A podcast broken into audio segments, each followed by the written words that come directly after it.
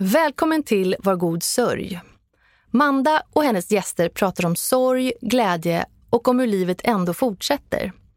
Kom ihåg att de är endast experter på sin egen sorg och förlust. Om du eller någon du känner mår dåligt, sök hjälp. Det tog mer än tre år av den unga flickan Tildas liv innan hon fick den diagnos och hjälp hon letat efter. Vägen dit var obarmhärtig och smärtsam.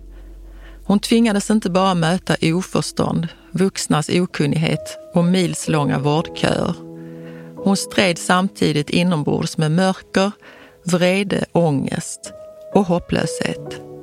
Och till slut, 16 år gammal, slänger hon sig rakt ut genom fönstret. Lillebror ser vad som håller på att hända och agerar snabbt. Nu vill Tilda bryta tystnaden om ungas psykiska ohälsa och har tillsammans med sin mamma Frida skrivit boken Aldrig släppa taget. Ni ska nu få höra Tilda berätta sin historia. Hej Tilda! Hej! Välkommen hit. Tack så mycket, så fint att få vara här. Mår du bra idag? Ja, idag mår jag bra. Ja, Lite bra. trött, men annars så. Ja, för du har haft en kämpig helg här. Ja, exakt. Vi har varit på bokmässa, men det var väldigt kul att vara där och träffa så många fina människor. Känns det bra att berätta din historia idag? Ja, det känns jätteviktigt för oss att skriva och gå igenom allting också betyder så mycket för oss. Men också att se folks reaktioner när man läst eller hört och få höra så mycket historier. Det har varit eh, ja, så fint och så stort. Du har ju gått igenom någonting fruktansvärt. Mm. Och din familj, den psykiska ohälsa är ju inte bara den som mår dåligt utan det är ju hela familjen Ja. som går igenom. Men om du berättar, om vi tar oss tillbaka lite. Eh, hur gammal var du när du kände att du mådde dåligt första gången? Jag gick i åttonde klass tror jag. Nu vet jag inte riktigt hur gammal man är då, men 14, 15 kanske någonstans där. Eh, och då började jag må mycket sämre. Det var, jag hade haft en, eh, jobbat med hästar hela mitt liv, så jag hade jobbat på ridskola och jag hade ridit där. Och sen hade jag gjort en, ja, ville ha en egen häst så hade jag gjort en jättefin powerpoint med typ 10 slides. Och så hade jag en presentation på typ en timme där jag hade så alla kostnader och så. Eh, och så gick vi igenom den och så eh, jag fram till min pappa. Och så fick de prata ihop sig och sen kom de fram till att jag faktiskt skulle få en häst. Så det var typ det bästa som någonsin hänt mig. Eh, men sen så i åttan så började mina betyg eh, gå ner lite. För jag, ja, dels är det ganska jobbigt att ha en häst, det är mycket jobb. Och sen så har jag alltid haft lite ont i kroppen sedan jag var väldigt liten. Eh, så då tog min energi lite slut. När vi gjorde det så var det som att hela mitt liv försvann. För där var alla mina vänner, min framtid, min, min kärlek. Det var som att förlora en del av mig på något sätt. Eh, så efter det så började jag ganska snabbt må mycket sämre. Vad hette din häst? I Titsi. Vad hände då? Ni sålde? Ja, exakt. Vi sålde henne för att eh, ja, men dealen var väl lite att jag skulle, skolan skulle fungera och allt skulle gå bra eh, för att vi skulle fortsätta ha henne. Men, och då började de ju betygen inte gå så bra längre så då, då sålde vi henne tillsammans. Hur kändes det? Ja, det var väldigt, väldigt hemskt. Det var, det var verkligen som att förlora en eh, bästa vän eller någon man verkligen älskar. Även fast hon ja, lever så var det som att det, det kändes som att den delen av mig bara dog. För det var, kan jag tänka mig, alla som har haft ett, ett husdjur eller ett jobb, alltså det var att förlora hela min gemenskap också för mina kompisar och mina tränare och hästarna och det var, det var väldigt svårt att sen hitta lite vem jag var utan det. För det är också den som alltid varit där när ja, det har varit bråk hemma eller man känner att något inte funkar i skolan. Att det alltid varit en trygghet och en plats full med kärlek. Så det var väldigt, väldigt tufft när det försvann. Och så nämnde du där också att du hade smärta. Ja, exakt. Ja, men det började väl egentligen när jag var, vad kan jag ha varit? Jag var ganska liten, kanske sex år. Och då så började jag få väldigt ont i knät. Spelade mycket handboll under den här tiden också. Eh, och man slänger sig väldigt, väldigt mycket i knät i handboll. Eh, men vi gick till, till läkarna och till vår, ja, till vår vårdcentral. Men de sa alltid att ja, men det är slatter, det går bort och det blir bra. Eh, men det gick aldrig bort. Och sen så, ja, men till slut slutade typ det med att jag gick runt och haltade och kunde liksom inte stödja på benet. Och då hade det ändå varit något år av att vi bara försökte få hjälp för det här. Men till slut så kom vi till en specialist som kollade på mig och bara, ah, det där är discois. Och det, det är när menisken är, den ska jag ha hål i sig som en åtta ungefär. Men jag hade inget och sen hade jag slängt så mycket så att hela menisken, eller ja, en del av den hade spruckit. Eh, så det hade ju gjort väldigt ont. Men då så fixade vi det, men smärtan försvann aldrig riktigt. Utan det var som att jag var vriden lite som en korkskruv. För jag hade ja, belastat mig så fel. Och sen efter det så var det som att smärtan satte sig överallt. I leder och i huvudet och ja, överallt egentligen. Hur orkar du, orkar du med det i skolan? Och, Ja, det, det har varit väldigt tufft men det blir ju en vanesak också. Att ju mer man har det, nu har jag haft det typ hela mitt liv liksom, så då blir det ju ja, det vanliga, det vardagliga. Så då lär man ju sig att hantera det på olika sätt. Så du förlorade hästen Mm. och så hade du så var smärta inombords och ja, all, all smärta Mm. var ju inombords. Och då började en ny Mm. period. Exakt. Ja, men med allt det här sammantaget blev att det gick, det gick väldigt snabbt från åttan till nian och sen sommarlovet nian till gymnasiet så var det väldigt dåligt egentligen. Och det, det slutade aldrig utan det blev verkligen rätt ner utan någon, något stopp. Beskriv vad som hände med dig. Kommer du ihåg det? Eh, ja, men jag kommer ihåg eh, delar av det i alla fall. Sen är det lite svårt att komma ihåg allt. Men det blev eh, väldigt tungt allting. Det blev väldigt jobbigt att gå upp till skolan, att se någon mening egentligen. Eh, och eh, men allt blev väldigt, väldigt tufft. Det var väldigt ångestfyllt. Jag började få mycket panikångest. Och, men jag mådde bara väldigt dåligt i mig själv. Och det, det blev bara värre och värre. Och samtidigt som det här händer så blir ju familjen, alla blir påverkade när någon mår dåligt. Och det blev bara så missförstånd och det slutade med att det blev lite infekterat nästan. Även fast det, vi försökte allihopa så blev det bara fel och fel. Till slut så var det så här, men jag orkar inte ens försöka för det blir bara fel. Även fast vi alla vill samma sak så blir det bara bråk ändå. Så då så kände jag mig också väldigt ensam i, i det. Även fast mamma och pappa försökte så blev det att jag var själv i det här mörkret som jag var i just då.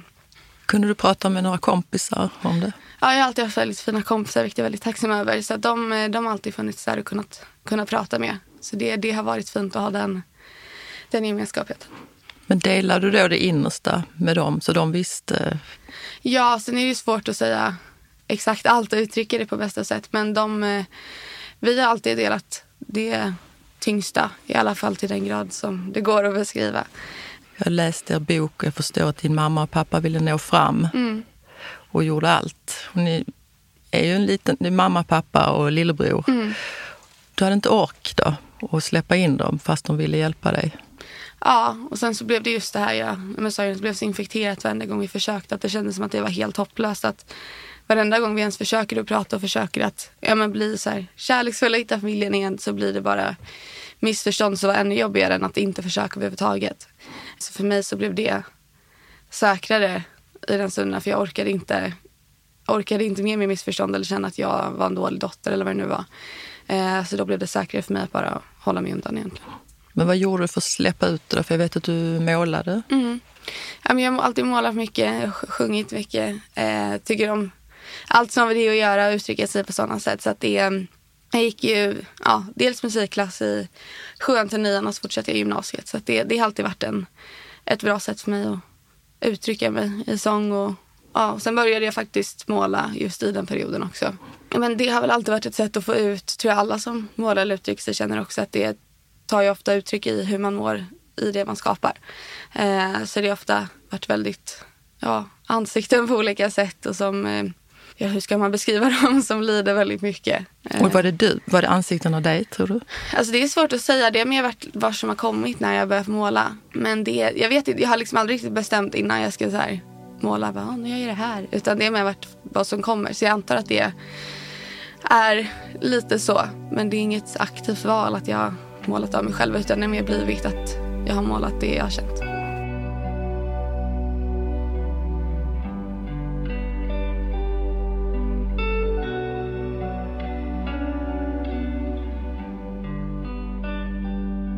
Nej, men det fortsatte helt enkelt och det blev bara värre och värre. Eh, och sen började jag gymnasiet, träffade massa fina människor, massa härliga klasskompisar. Men mitt mående blev inte alls bättre egentligen. Och vi försökte söka hjälp. Mamma och pappa hade ringt En väg in, heter det ju, i Stockholm. Där man ska ja, men komma till BUP och där man börjar hitta en väg. Men den väntan var tre månader. Och då var det liksom ganska illa. Eh, och när vi kom dit så träffade jag en psykolog och så pratade vi. Och sen när mamma och pappa kom in så var det mer, hon bara, ah, nej men Tilda ska inte vara på BUP utan det här är ett problem för BUM för det här är inte tillräckligt allvarligt för att hon ska vara hos oss. Eh, hon har bara 15 panikångestattacker per dag men det är ingenting. Och så ryckte hon lite på axlarna. Och sen så var det vidare till en ny kö som var månader lång. Så det blev väldigt mycket väntan där. Och där kände jag mig också väldigt maktlös i det hela. För att ens söka hjälp kan för många vara svårt och jobbigt att ens våga ta det steget. Och när man då för att det, men det, det är inget allvarligt. Det här är bara gå hem och typ chilla lite. Så blir det väldigt ja, men hopplöshet och maktlöshet i det. Men följde du med frivilligt från början? Eh, jag var lite skeptisk, ska jag inte ljuga, just första besöken. Men eh, sen så fick vi, kom till en, för första mötet så hade de sagt att ja, det kanske är ADHD. En liten släng av det. Så då fick vi tid på ADHD eh, och mottagning. Och eh, där gick jag med. Jag tyckte de proverna var ganska roliga faktiskt. Det var mycket sådana här lite intelligenstester och problemlösning. Så det, då tyckte jag det var lite roligt. Men 15 panikångestattacker per dag? Mm. Då var det det. Det är ganska, ganska mycket att ha. Speciellt när det blir i, ja, i skolan, i matbutiken, hemma. Det blir ganska, ganska jobbigt, ganska mycket. Men när du fick de här attackerna, vad, vad hände? Hur gjorde du? Ja, jag brukade mer, om det hände i skolan så brukade jag gå in på en toalett eh, och försöka lugna mig och sen gå tillbaka till lektionerna. Och hände det hemma så var jag på mitt rum och var utomhus så försökte jag vänta tills jag kunde komma hem. Så det var väldigt, eh, väldigt stressigt att gå i skolan med det också. När det blir, det är många lektioner. Och behöva gå ut på toan och sitta där ensam inte så roligt utan det blev väldigt ensamt det med. Där undrar jag också, var det inga lärare som såg att du gick ut hela tiden? Det vet jag inte, inte vad de har sagt Nej. till mig i alla fall. Utan det, om man jämför typ Sverige med USA så är det väldigt lätt att få gå ut på lektionerna och ta det lugnt. Så det, jag tror inte att någon märkte det, i alla fall inte vad jag Och de tyckte inte att 15 Nej. panikattacker per dag var allvarligt? Nej, exakt. Det var inget de tyckte var tillräckligt allvarligt. När man går ut från ett sånt samtal, med mamma, för det var både mamma och pappa med. Ja, exakt. Vad sa ni till varandra? Jag var ganska sur på dem minns jag. Att för dem, eh, det hade jag inte sagt till dem innan att jag hade panikångestattacker. Eh, och så blev mamma så här, men va? Herregud, har du det? Och, och. Jag vet inte riktigt exakt varför jag blev så sur vad det var vi bråkade om. Men det var, jag tyckte också väldigt jobbigt att ens behöva säga något litet om hur jag mådde till dem. För det kändes som att allt blev bara fel. Eh, så för mig så blev det, jag blev ganska irriterad på dem efter och det kändes jobbigt att behöva öppna upp sig. Jag tänker att det är en kombination av ledsen och arg. Ja, exakt. Och sen, nej men just det här släppa in dem på något sätt. Det tyckte jag var väldigt, det vill jag egentligen inte göra. Hur, vad var nästa steg då? Ja, nästa steg var ju ADHD-utredningen, vilket vi gick till. Eh, och sen så ja, var vi där och det kom fram till att jag hade ADHD. Eh, och sen så till slut, det hade tagit många månader, det här en ADHD-utredning tar ju ganska lång tid.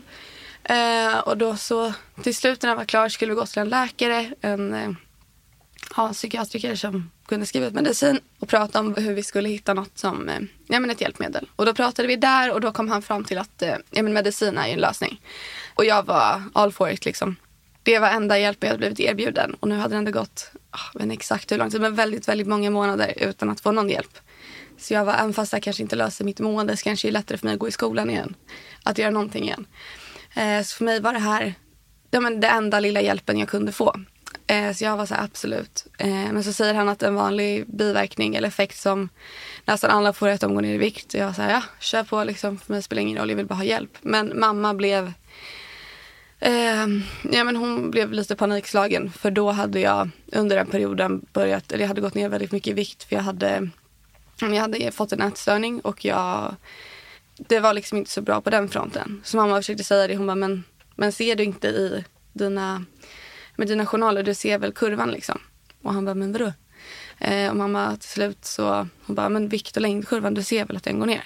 Men han var mer så här, ah, nej men det är väl bara bra. Det är väl bara bra att hon gått ner så här många kilo på ett halvår. Det är väl jättebra. För hon var ju överviktig innan så att hon får gärna fortsätta gå ner några kilo till. Det hade varit jättebra. Eh, och det för mig var väldigt jobbigt att höra då. Eh, och mamma blev helt rasande faktiskt. Jag vet inte om jag har sett henne så sur på någon annan innan. Så att det, det var väldigt tufft för mig att höra då. För då, det var inte hälsosamt och viktigt. Jag hade gått ner på ett halvår. Och när han sitter där och bara, men det är väl jättebra att du har gjort ett tagit tag i det här och du ska väl gå ner några kilo till. Det blir så bra så. Det var väldigt tufft för mig att höra. Det tror jag vem som helst hade känt jag blev i den stunden väldigt irriterad och sur på mamma för då grät hon och hon var väldigt sur på honom. Och jag kände mer såhär, men vad fan, är det här, ska du förstöra den enda hjälpen jag har fått? Ska du liksom ta det här ifrån mig? Eh, så just då blev jag väldigt sur på mamma, även fast jag idag kan förstå exakt vart hon kommer ifrån och jag blev väldigt ledsen själv efter det här. Men senare den kvällen så ska jag ha konsert på skolan. Eh, och jag hade konserten, det gick jättebra. Och så skulle jag ut och fira lite sent nyår med mina kompisar. Eh, för att vi hade inte hunnit det. Och då går vi ut och så firar vi och vi har trevligt. Och sen så kommer vi hem, eller jag kommer hem. Och det har varit eh, ja, men en del spänt under den här kvällen. Och sen när jag kommer in i mitt rum så, så vill jag bara lägga mig och så kommer mamma och ska prata med mig om någonting. Men hon hinner knappt säga ett ord för jag är ju rasande. Eh, och vi börjar bråka. Vad, ble, vad är du rasande på då? Det vet jag inte riktigt. Jag har väldigt få minnen från den här kvällen. För vi hade ja, men tidigare dels druckit alkohol men också tagit eh, benzo. Vilket var ja, första gången jag hade gjort det. Men det var liksom, jag var väldigt, väldigt, väldigt sur och väldigt arg och ledsen. Och jag har varit så under en period innan det här så också känns att det har varit som att alla mina känslor varit uppvridna på 200 procent. Att oavsett om jag är glad, om jag är ledsen, om jag är arg. du blir, jag tror alla känner igen sig vara riktigt, riktigt arg. Det har alla varit någon gång. Men det var som att det alltid var så. Så fort minsta lilla gick fel eller så fort vilken känsla den var så var det till max. Men nu så var det som att det hade blivit uppvridet ännu lite mer. Så jag blev helt rasande på ingenting. Och mamma och jag började bråka. Jag puttar henne. Pappa Arvid kommer in i rummet. För att det låter ju. Och börjar skrika liksom, lägg av, vad fan håller du på med? Eh, och jag i den stunden känner mig så instängd. Eh, det känns som att ja, men nu är alla emot mig igen. För det, så har det känts innan när vi bråkat att men nu är det alla mot mig. Och här så står jag i jag ett hörn av mitt rum och alla skriker på mig. Och i den stunden så var jag fylld med så mycket ja, men panik och bara men jag måste ut, jag klarar inte av det här, det här är alldeles mycket. Eh, och i den stunden så vänder jag mig om, öppnar mitt fönster och hoppar ut egentligen. Men då får min pappa tag i mina ben och drar in mig.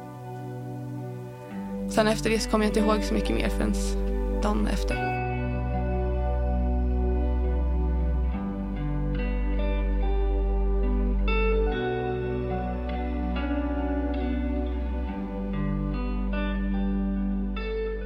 Det är lite just den här kvällen, jag kommer inte ihåg så mycket mer än vad jag just sagt nu. Liksom. Så den är på ett sätt ganska på distans för mig för jag kommer inte ihåg så mycket. Det är mer vad som hände efter som är mer inpräntat i huvudet. Men jag, jag tycker det var så fint att få berätta allt det här också. För det har inte varit några, i princip några negativa reaktioner. Att någon bara säger äh, vad dum du är. Liksom. Utan det har bara varit kärlek och folk som delar med sig själva. Så för mig har det bara varit väldigt helande och renande att berätta och skriva.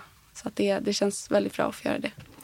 Men du måste ha haft så mycket stress mm. i din kropp det allt du har berättat med panikångest och den här ilskan. Precis mm. som du säger, vi alla vet ju hur det är att vara arg, men så arg. Mm.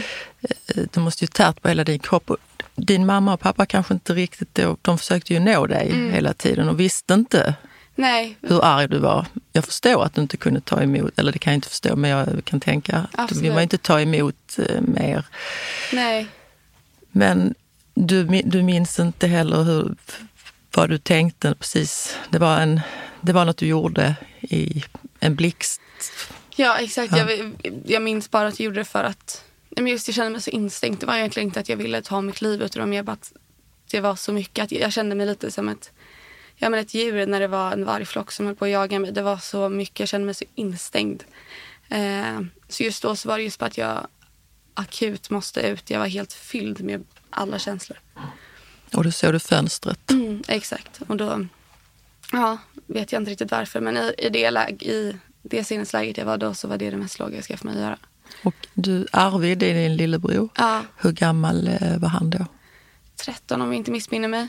Eh, och det, han är ju den som för mamma står och ja, Arvid kommer dit och pratar med mamma och bara, men mamma jag ringer 112. Och mamma säger så här, nej men det behöver du inte liksom. Vi är två vuxna här, det här är vårt barn, vi, vi klarar det här. Och Arvid bara, nej men jag ringer 112. Och ska mamma börja igen och så ser hon Arvids ögonmask börjas upp och hon, han, mamma hon hoppar. Och så tack vare att han säger det så hinner min pappa ta tag i mina ja, men fotleder egentligen och dra mig upp i fönstret. Men det var när jag vaknade dagen efter det. För då hade det slutat med att jag åkte in på Maria Ungdom. Så vaknade jag i en isoleringscell som är ja, inte mycket större än det här rummet vi sitter i just nu. Eh, och det var galler på väggarna. Det var bältesäng i ena hörnet och jag låg på en madrass ensam i mitten av rummet. Och det var hemskare än själva fönsterepisoden för där, där vaknade jag men helt själv efter allt det här. Och behövde, men först jag sa, men gud vad, vad, gör jag här, varför är jag här? Men sen kom ju allt tillbaka till mig. Och ligga där ensam i ett rum utan någon eller något att göra, det var helt fruktansvärt. Också just tänka jag på min lillebror, för det var ju det som jag inte kunde sluta tänka på. Men jag har ju förstört honom. Det är liksom, jag har ett jobb i den här världen som syster och det är ju att skydda min lillebror. Men här har jag slängt mig ut genom ett fönster framför honom och jag har gett honom trauma för livet. Liksom, jag har förstört honom, jag har förstört min familj, jag har förstört mitt liv. Och ligga där med all den ångesten och panik som jag kände just då, helt ensam, det var fruktansvärt. Och det däremot låg jag i två dagar eh, ensam. Så det var, det var väldigt, väldigt hemskt att få vara ensam i, i den stunden. För då hade jag verkligen behövt någon som var där. När du vaknade upp där, kom, mm. för du kom ju inte ihåg så mycket egentligen Nej. vad som hade hänt. Blev det ångestladdat? Ja. Att inte, den här minnesluckan. Ja exakt, jag hade minnesluckan men jag kommer just ihåg fönstret. Och jag kommer ihåg Lillebror. Jag kommer ihåg lillebror, mm. exakt. Två, två dagar ligger du där. Mm. Är det någon som säger någonting? Vad, någon som kommer in till dig? Ja, det är några sköterskor och det är verkligen inget illa mot dem. De var jättefina. Men frågar om jag vill gå på typ toaletten, om jag vill ha något att äta. Uh, och det, det var det ungefär. Uh, men sen så efter då två dagar kom jag ut på den öppna avdelningen. Där det är andra också. Uh, och där så fick jag prata med någon sköterska. Men det var inget mer terapi eller något liksom kristeam. Utan det var mer att jag var väldigt ensam och fick fråga om jag vill äta eller gå på toa. Så det var den hjälpen jag fick där och då. Men det här rummet som du beskrev som var lika litet som det här, jag vet inte riktigt hur litet det här är, men det är ju litet ja. helt enkelt. Här, men du, de bältade inte dig då? Nej, det gjorde de inte. Men det är fortfarande ganska... Och bara se den här Ja, men exakt. Att vakna upp ensam och se att den är en meter ifrån mig.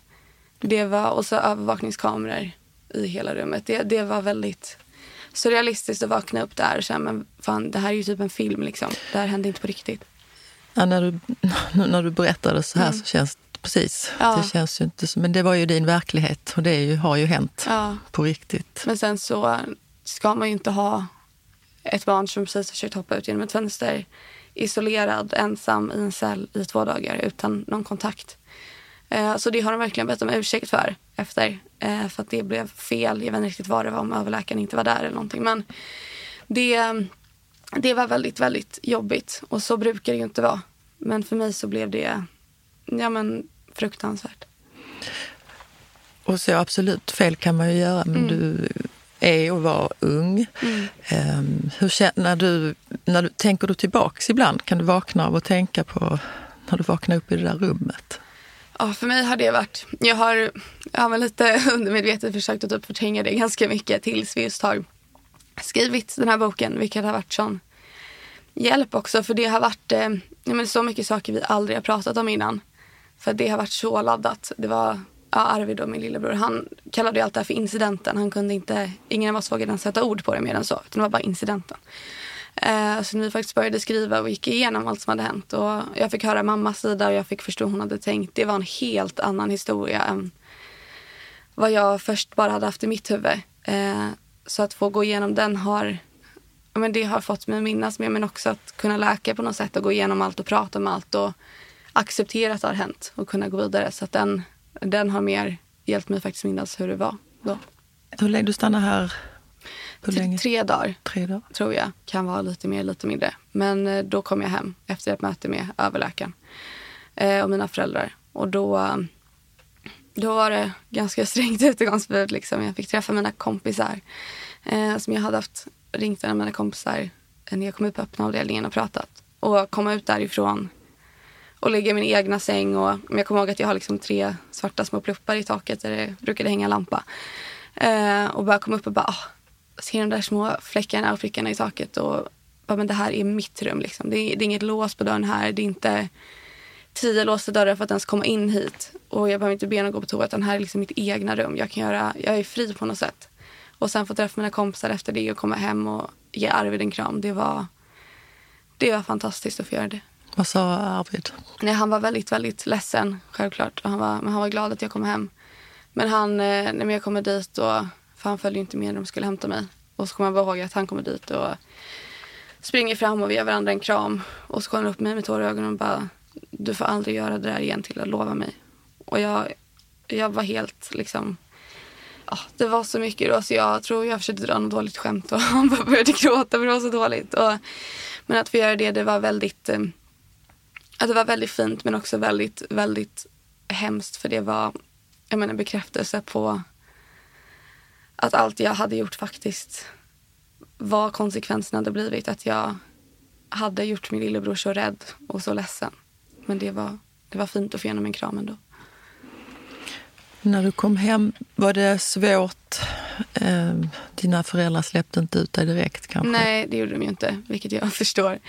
Men det var, jag fick ju träffa mina kompisar nästan samma dag, dagen efter. Och gå ut på en fika bara i tio minuter. Eh, och det var väldigt, väldigt skönt och väldigt befriande att få göra det. Men sen så var det ganska hårda utegångsförbud. Liksom. Eh, så det var mer gå till skolan, gå tillbaks och sova. Liksom. Och du fick ju ingen, jag menar du åkte iväg för att du hade försökt ta ditt liv. Mm. Hade du tänkt på att ta ditt liv långt innan? Eller?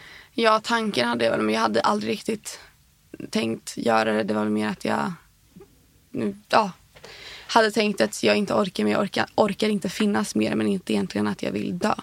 Utan att jag bara hade velat lägga mig i någon dvala i några år och sen vaknat upp igen. Men den, du fick ju ingen psykologhjälp direkt där Nej. på de här och då, du hade ju, allt det du åkte iväg med kom mm. du ju tillbaks med, det försvann ja. ju inte. Nej exakt, så det, det var, för efter det, allt det här hände så ringde socialtjänsten till mamma och pappa och så här, hej, vill ni ha lite hjälp? För det kommer in en orosanmälning varenda gång man åker till Maria Ungdom, vad det nu än är för.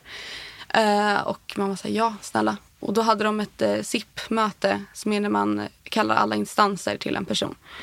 Uh, så då är det liksom smärtenheten jag hade varit på innan kom och BUP, jag hade varit där typ en gång hade kommit och alla kommer och så ska man prata om allt det här. Enda som inte kom var faktiskt skolan som sa att de inte hade tid för det. Eh, vilket jag nu i efterhand när jag har läst på om vad de här mötena faktiskt var. För då trodde jag att de var grymma, och, eller det är de ju, men att de hade tillkallat ett möte med alla. Men det är ju lag på att man måste komma på det. Men det ville inte skolan. Eh, de ville inte? Eller, eller de... jag vet inte. De sa att de inte kunde skicka någon på, ens med på typ Zoom liksom. Eh, så det tyckte jag var ganska dåligt gjort. Men då i alla fall när vi kom dit så pratade de om hur vi ska lägga upp där. För jag ska ändå gå i skolan och jag har ett liv. och hur vi ska lägga upp den här planen. Och då kom vi fram till att det var Maria jag skulle vara på. Och ta, man får ju ta, gå dit och ta prover. Mm. Och Maria är Maria Ungdom Exakt. i Stockholm. Det var inte där, eller var det där du hamnade? För det finns ju två. Ja, jag hamnade på Maria Ungdom. Eh, och då behövde man ju gå dit i några månader, jag kommer inte ihåg hur lång tid det var, och lämna prover för att man inte ska ta droger helt enkelt. Kissprov? Eh, ja, exakt. Så då började vi med att gå dit och sen så fick allt andra vänta på att jag skulle vara klar där. Men då fick jag i alla fall en väldigt fin sköterska som jag kunde prata med i samband med att jag lämnade de här proverna. Så hon var, hon var väldigt fin. Det var första ja, men, samtalsterapin på något sätt. Även fast det inte var vad hon skulle göra så var hon väldigt, väldigt fin och vi pratade mycket. Eh, så det var den första hjälpen jag fick där och då. Sen lite senare fick vi även familjeterapi från socialtjänsten. Vilket vi var väldigt tacksamma över. För det var ju hela familjen som drabbades av det här. Det var ju väldigt traumatiskt för alla. Eh, och det hjälpte oss verkligen att men i alla fall ta första steget till att kunna prata med varandra igen och hitta varandra igen. Så det var, det var väldigt fin hjälp. Den här sjuksköterskan som du träffade mm. på eh, Maria Ungdom, vad var det hon gjorde som inte de andra gjorde? Ja, det hon gjorde var väl att hon hade tid för mig. Och hon var, det var aldrig någon stress när vi var där. Det var så här, men vi, vi pratar och vi går igenom och vi håller på. Eh, och hon kändes som en väldigt men, genuin människa som inte bara hade 30 personer som väntade och ville bli klar med mig och slänga ut mig. Utan var, var där och var intresserad och ville mig väl. Eh, och det kändes väldigt, väldigt tryggt. Och det bemötandet hade jag inte riktigt fått innan. Eh, så det är jag väldigt tacksam över. Hon, var, eller hon är fortfarande en väldigt, väldigt fin människa. Mm. Skönt att höra att det var någon som förstod. Ja, det var väldigt fint. Med tanke på att vi skulle vänta med att komma tillbaka till BUP. Tyckte, ja, när de hade det här mötet, att det skulle bli bäst för mig att vänta.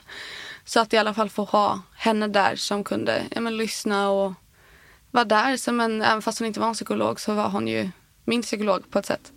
Så det var väldigt, väldigt tacksamt och fint att få ha, få ha det med henne. Men till slut sen så när jag var klar med det här och gå och lämna kissprover så kom jag ju typ till BUP. Eh, och då hade det varit oh, typ nio månader eh, för mitt första riktiga liksom, terapisamtal med en psykolog från att vi först sökte hjälp. Eh, och det här var också en väldigt... Oh, det är svårt att hitta rätt behandling och att man ska få rätt hjälp. För det är, väldigt, det är ganska svårt att få en individanpassad eh, behandling. Men eh, till slut så blev det i alla fall bra där. Och då började jag få ja, men, riktig terapi om man säger så. Träffade du samma person igen som du träffade från början? Nej, henne har jag faktiskt bara träffat en gång. Men då kom jag till en annan eh, väldigt fin psykolog som jag tycker om jättemycket. Hon var väldigt, väldigt fin och hjälpsam och lyssnade på mig.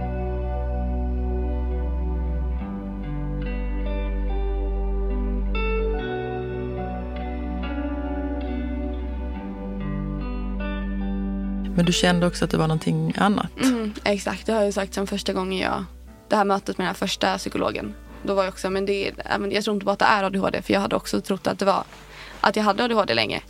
Eh, men då hade, ja, men, när jag tagit upp det med mamma då var det lite såhär, nej.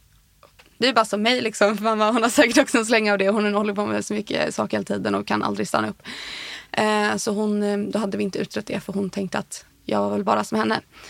Eh, men när vi väl fick den utredningen och jag sa till henne också bara så här, men jag tror att det är någonting mer. Eh, och då började vi kolla lite på vad det kunde vara på BUP. Eh, problemet med dem är ju bara att man inte får utreda eller få diagnoser officiellt innan man är 18, vissa av dem. Mycket regler till dem. Det är mycket regler. Det kan man tycka, det är sådär. Eh, sen förstår jag var de kommer ifrån. Att just den diagnosen som jag ville kolla för, vilket är emotionell instabil personlighetsstörning. Den är ju varför de vill undvika att göra det med folk som är under 18 är för att det inte ska vara så här, ja men tonårs, tonårsbeteende eller puberteten, att det ska vara det. Eh, men det blir också, för mig var det väldigt, väldigt frustrerande. För det var också varit hela mitt liv just med den här smärtan att jag har försökt få hjälp och försökt komma dit. Men mycket jag fått där också, nej men det är bara i ditt huvud, du har inte ont på riktigt, att det är bara fejk liksom. Och då har det varit så viktigt för mig att bara få en diagnos, för det blir en, en bekräftelse på att det faktiskt finns. Eh, och på att det kanske finns någon ja, men något hopp i det. Att man vet vad det är, då kanske man kan behandla det även fast det inte är nu. Men eftersom att jag aldrig fått det där och fått en ganska dålig bemötning där, eller bemötande där med så var det väldigt viktigt för mig även när det gällde ja, BUP och få reda på vad det är. För jag vill inte heller leva i så här, men det kanske är det här, det kanske är det. Jag vill liksom alltid ha det på papper så jag faktiskt kan göra någonting åt det. Eh, men då gjorde vi massa inofficiella diagnoser och då så kom de ju fram till att jag hade det. Men jag fick vänta tills jag blev 18 och kom till vuxenpsykiatrin för att faktiskt få den bekräftad. Hur lång tid var det emellan där då? Eh, mellan vuxenpsykiatrin och BUP. Ja, nu när du pratar om att du var på det här mötet. Du väntade på att du skulle vara, ja. bli 18. Ja, det, var, det var en del väntetid för att komma in på vuxenpsykiatrin där med. Och sen så... Jag har fortfarande inte fått någon behandling där. Nu är jag snart 19. Så det, det är väldigt lång tid att vänta. Hur var, hur var tilliten till vården under hela den här tiden? För jag försöker se dig framför mm. mig att du hade all den här stress, stressen inombords och så föräldrarna stressade och, stressade och vården stressar mm. ju dig. För när du inte fick den här diagnosen som du ville ha, du sa att du ville ha en diagnos för att visa att den fanns. Mm. Men var det också att du fanns? Ja, på något sätt. För det har ju varit just men det här med smärtningsförfarandet, men det är inte på riktigt. Det, det finns i ditt huvud. Och det har ju verkligen satt spår i mig på det sättet att det just vikten av att faktiskt ha ett intyg på att men här, det, det är något annorlunda än mig. Än att bara ha det i ord utan att faktiskt bekräfta. Så att det, vård, eller tilliten till vården där var väl kanske inte den största. Men samtidigt så har jag alltid haft en respekt för de sköterskorna jag träffat eller psykologerna jag träffat. För de, de två, dels som Maria och den jag fick på BUP, de har ju varit jättefina och verkligen försökt sitt bästa. Eh, så jag har haft turen att haft dem de två. För annars så tror jag inte att jag hade orkat ens försöka mer. För det, det är återigen verkligen inget fel med alla som jobbar men det är fel på systemet för det ska inte vara så lång väntetid och så svårt att få hjälp för det, det skapar en sån men, maktlöshet inom en. Att man, man är helt ensam i det här. Man måste själv ringa och boka och hålla på och liksom försöka men man orkar inte alltid det. Och jag tänker för alla som inte har, som jag hade då, alltså föräldrar som orkade ringa och hålla på. Då tar det ju slut där. Och det är ju en väldigt, det är inte för alla då, det blir en vård som inte räcker till. Eh, så det, jag är väldigt glad att jag hade de två fina psykologerna. Och dina föräldrar som orkar, precis som du säger mm. att alla orkar. Det krävs, det är ett heltidsjobb ja, verkligen. såklart och det ska det inte vara. Nej. Men i väntan på att komma till vuxenpsykiatrin, mm. då fortsatte ilskan inombords eller lättade lite någonstans? Ja, alltså det har ju blivit lättare och lättare med, men jag tror mycket just det har handlat om att vi i familjen blivit bättre och också hittat varandra igen. För att det, det tror jag alla kan förstå att om man kommer hem och känner att oh, men gud, jag orkar inte ens försöka prata för det blir bara missförstånd varenda gång. Till att komma hem och känna ah, att det är lugnt liksom. Jag kan, jag kan chilla här och det, jag har ingen stress över att det ska bli något bråk eller något missförstånd. Att få den, det lugnet och den kärleken det hjälper ju vem som helst. Bara ha det stödet, den tryggheten i sitt liv. Då blir allt ofta lite, lite lättare och lite bättre. Och innan du kom fram till det, hade du, hade du ångest eller skam för det här som hade hänt? Mm, skam har jag aldrig riktigt haft så, så mycket av. Mer än just när det gäller min lillebror. Att jag har skämts mycket över att jag har misslyckats så mycket som syster har jag känt många gånger. Men annars så är jag tror det har varit tack vare mina vänner väldigt mycket också. Att vi alltid varit så öppna och pratat om så mycket. Jag har haft så fina vänner sedan ja, men åttonde klass egentligen. Och några är inte med mig fortfarande jättebra vänner med idag. Men att ha det, för då blev det men det blev alltid så öppet att även fast det kanske inte var något vi pratade om hemma för att alla men det var så mycket känslor och vi kunde inte så var det i alla fall någonting jag alltid kunde prata om med mina kompisar. Eh, och då kändes det inte så svårt för mig. Så just den skammen, den tystnaden var jag, har jag aldrig riktigt känt varit så stor att jag har en skam för att berätta. För de har alltid varit så, så fina. I er bok mm. så beskriver du eh, det är så mycket kärlek ja. till din bror varenda gång. Och jag ser det på dig nu också när du pratar om honom. Eh, vad har ni för relation? Nu och ja, då? Nej, jag älskar honom väldigt mycket, det har jag alltid gjort. Han är världens finaste lillebror och han eh, Ja men det är så fint också, även fast det har varit ja, men jobbigt hemma och jag känner så här, men fan det är, bara, det är inte ens värt att försöka längre. Så har han alltid varit den som så här, nej men är där och ger en kram, även fast han kan vara jävligt jobbig liksom. Så har han alltid varit en trygghet och betytt mest för mig. Så att det, det, jag älskar honom väldigt, väldigt mycket, även fast han just nu hellre vill vara med sina kompisar än mig.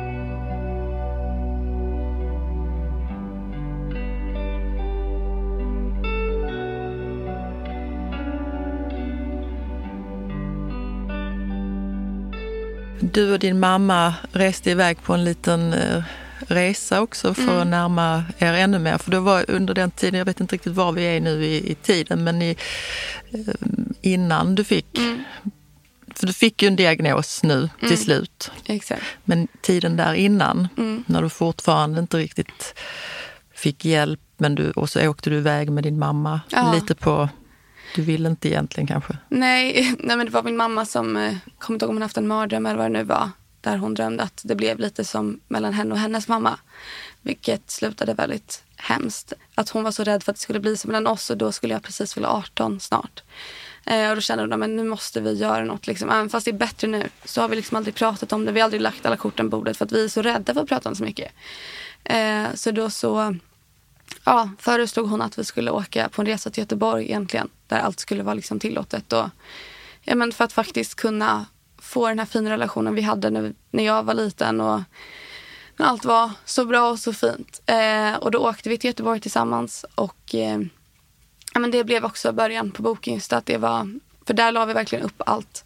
Det var inget som var förbjudet och vi frågade och vi höll på. Och även fast det blev bråk där också, missförstånd, så var det steget en väldigt, väldigt viktigt för att vi skulle vara där vi är idag. För att prata om allt och skriva den här boken. Och det har verkligen räddat oss och vår relation och hela vår familj. Så det har varit eh, den resan, även fast den var lite jobbig till, från tid till tid, så har den verkligen betytt så mycket för oss. Och där fick väl du lite chans också att berätta för din mamma om saker som... Berätta. Mm som jag skriver i boken också så det är inget hat mot min brorsa liksom, utan det, det har bara blivit så att pappa han har ju varit fotbollstränare väldigt länge i Arvids lag och mamma har varit kommer inte ihåg exakt vad, men någon slags ordförande i klubben också. Eh, så det har varit väldigt mycket där och varenda träning var pappa där och varenda match var båda där.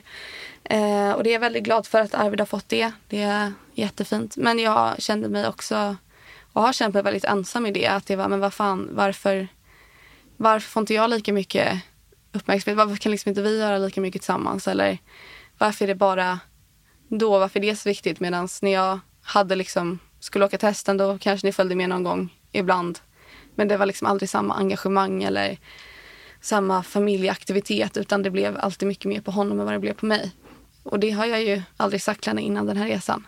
Eh, och det, det trodde inte, jag tror inte att hon hade förstått det riktigt själv innan vi pratade om det. Att det blev så konstigt i hur tiden låg. Eh, och det var mycket sånt som vi bara aldrig hade pratat om innan som vi faktiskt tog upp då.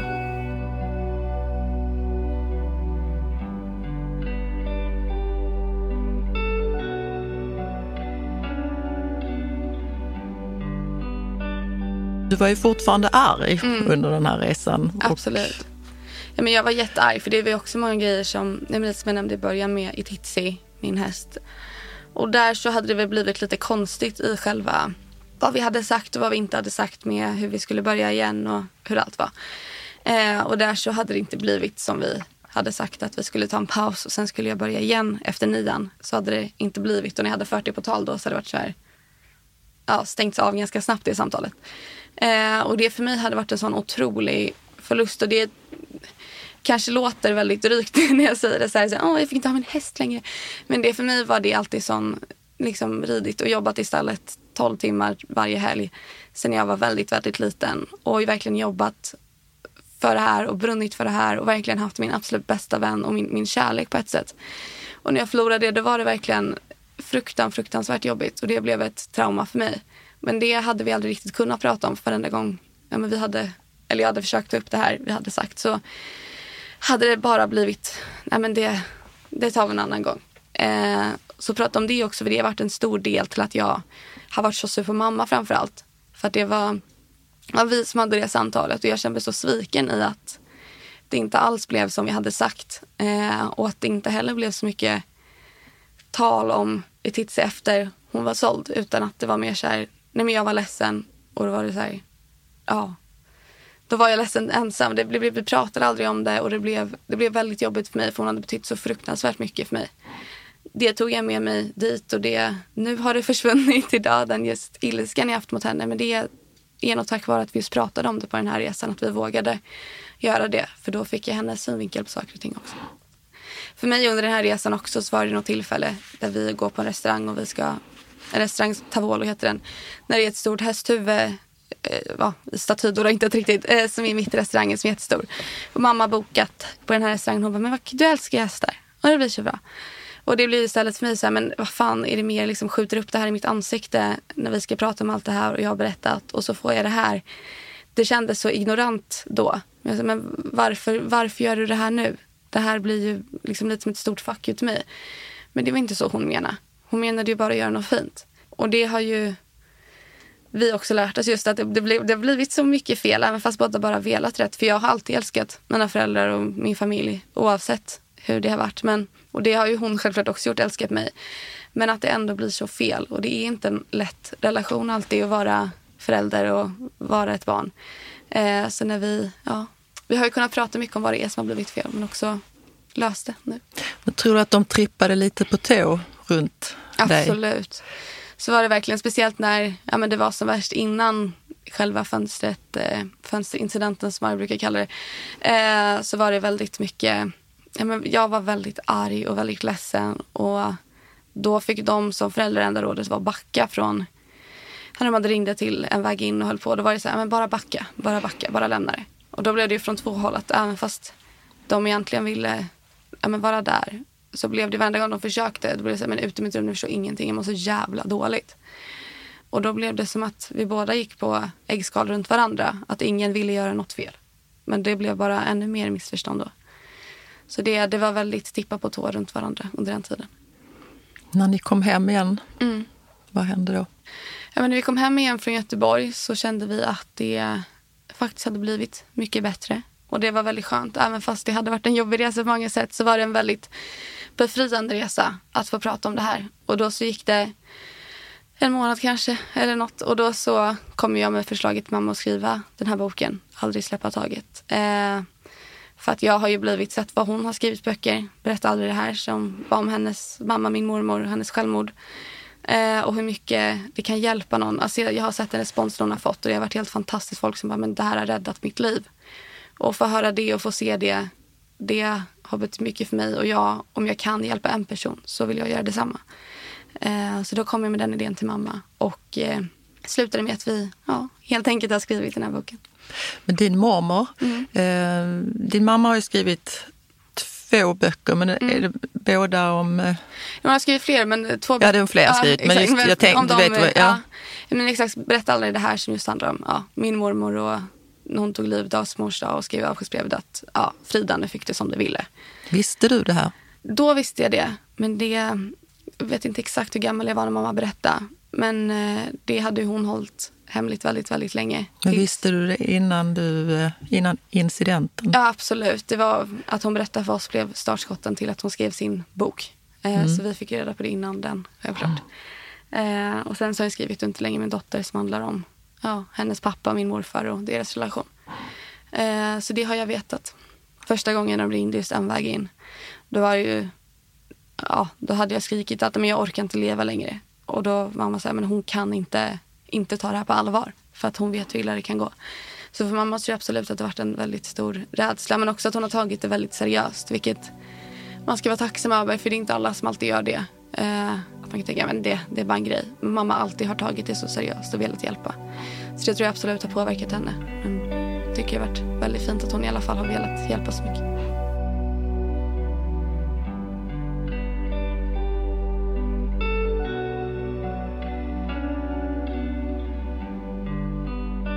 Nu tjatar jag om den här diagnosen, Mm. men jag vet att du längtade så mycket efter den. När fick du den då?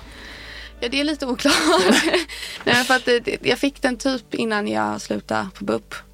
Men sen så när jag kom till vuxenpsykiatrin så sa de att den stod typ inom parentes. Så de bara, "Nej, vi måste köra om igen. Eh, men jag vet inte exakt när jag fick den för det var lite oklart egentligen. Det var lite Men vad heter den? Nu, Eh, Den är så heter, lång. Ja, men emotionell text. instabil personlighetsstörning eller emotionell instabil personlighetssyndrom. Mm. Men den kallas också borderline. Och den handlar just mycket om det här med känslor. Och att det är, som jag har beskrivit egentligen sedan jag började med 08 att allt är på 200 procent ungefär. Att det är allt är mycket. Oavsett om det är ja, men glädje eller att man är ledsen eller man har ångest eller man är sur. Att allt är mer än en vanlig persons. Och också mycket om just med självbild och vem man är och, och så. Så det är den, det den handlar om egentligen. Och det här aggressiva Mm. är, är, är väl också i den eh, att det blir, kan Ja, men, just, men det är just ilskan. När är det blir ilskan. så upprivet på, på max. Liksom. Då blir det, jag tror alla har känt så någon gång i sitt liv. Att man är så sur att man nästan känner hur det glöder i fingrarna när någon har gjort något dumt. Och man bara, fan liksom. Eh, och just så blir det ju. Ja, nu är det ju bättre. Men eh, väldigt ofta för mig. Och speciellt då var det ännu mer så. Men hur kändes det då när de sa att nu är det klart? Mm, det kändes väldigt skönt. Precis som jag har sagt nu att det är, man får kämpa lite för att få de här diagnoserna och få det på papper. Så det var väldigt fint för mig att få det och faktiskt få en bekräftelse på att det finns och det är på riktigt. Eh, så det, det var väldigt, väldigt skönt. En väldigt lättnad i det. För att om, för mig har jag alltid tänkt så i alla fall att om det finns på papper, det finns ett äkthetsbevis på något sätt, då finns det ju också hjälp på ett annat sätt. För då, då vet vi vad det är och då kan vi försöka behandla det. Men sen så har den behandlingen inte kommit än. Den står fortfarande i kö till. Som det är mycket köer som du hör. Men eh, det, det var väldigt fint att få den på papper. Diagnoser. Mm. Det finns så många unga personer som önskar att de fick en diagnos för de har känt som du att det är någonting Mm. annat med mig. Och sen säger människor kanske nej, du behöver ingen diagnos. Mm. Men du, du berättar ju hur viktigt det är. Och det tycker jag är bra. Ja. Att du berättar. Jag blev ganska sur på hon eh, fantastiska psykologen egentligen på BUP efter ett tag. För att så här, ja, men vi hade bara pratat. Jag kände så här, men vad fan, jag vill komma fram till något och jag vill börja jobba på det. Så då blev jag så sur att jag skrek på stackaren. och bara, nej men nu får vi liksom fan göra något. Och då så gjorde vi just de här inofficiella. Och då började vi också lite av en minibehandling där. Eh, så då, även fast det inte var helt på papper så fick jag en början till hjälp där. Så att det, det var väldigt tacksam över. Men det, det står ju att vården ska vara individanpassad, speciellt när det gäller eh, ja, men när det gäller psykologer och så. Så det måste ju bli bättre. För det, min erfarenhet är en sällan individanpassad och man har väldigt lite att säga till om. Eh, så det, det, det är hemskt att det är så faktiskt. Jag är ju sjuksköterska i botten och så är jag mm. barnmorska och det där med individanpassad det tänker vi på eller jag tänker på det varje dag, det mm. vet jag att mina kollegor också gör, men ibland så ser jag ju som när du berättar, då blir jag väldigt ledsen att ibland funkar det inte tydligen. Nej, och det är ingens fel återigen att alla som jobbar, Nej. som jag har träffat, de, de flesta i alla fall, vill ju bara väl. Men det är så mycket också. Det, det är ett system som inte funkar. Det är inte människorna som jobbar i det tyvärr. Nu har du skrivit en boken med din mamma mm. och ni har en podd. Ja. Och ni har hur många avsnitt som helst. Är det för andra unga som du nu mm. kämpar? Ja, för det mesta. Också för alla egentligen. För att det, det är ju inte något som alla drabbas i samhället och i världen på något sätt av psykisk ohälsa. Även om det inte är en själv så är det någon man känner, någon i ens familj, en arbetskollega. Att vi alla har det nära. Och det är 2030 så säger ju, ja, WHO att det är största folksjukdomen vi har i världen. Och det är ett problem som bara blir värre och värre och vi måste prata om det. För alla är drabbade och alla är nära till det. Så podden och boken har för oss självklart varit för alla som är där just nu. För det hoppas jag att man kan se. För även fast boken handlar mycket om allt det här hemska som har hänt, som jag berättat om nu, så handlar det mycket om hopp också. Och det är ju vad vi vill förmedla, att det finns en väg. För det var så många gånger jag kände att helt hopplöst, jag kommer aldrig ut härifrån och det är kört. Men det gjorde jag ändå. Och att förhoppningsvis kunna ge det budskapet till någon som behöver det känns väldigt, väldigt viktigt för mig. Men också just för att alla ska få reda på mer, veta mer. Också få lite tips på vägen. Vad vi har lärt oss i boken och vad vi berättar om i podden. Alltså det handlar mycket om vändpunkter och vad det är som funkar och hur det faktiskt kan bli bättre. Så det har väl blivit lite mitt mål. att liksom, ja, men lära mer och ge, ge hopp. För det finns en väg ut. Hur känner du när du lägger dig på kvällarna? Kan du känna ibland att, att det blir mörkt igen? Ja, men det tror jag alla kan egentligen. Att man har, självklart har man dåliga dagar. Det känns så mycket bättre. Det är, det är helt olika världar egentligen. Och det kan inte säga det nog, men jag tror verkligen att vi har det så mycket bättre i familjen är sån stor anledning till det. För nu är det verkligen så att jag kan komma hem och, eller mamma och jag, vi har varit ute och jobbat mycket nu, precis bokmässan. Och att vi kommer hem och säger, åh vi kan kolla lite Specials Victim Unit eller något sånt liksom. Att det blir mys istället och vi ligger och myser och kollar på en serie och tar det lugnt. För att få, få den kärleken, den tryggheten, det har betydit allt för mig. För det, det blir sånt stöd och ja men verkligen sån kärlek. Och den har vi alltid haft men det har varit så svårt att faktiskt visa den. Så att det, det känns hur mycket bättre idag som helst. Var ni kompisar hela tiden i, på bokmässan i Göteborg? Det var vi faktiskt. Vi var ja. jättebra kompisar.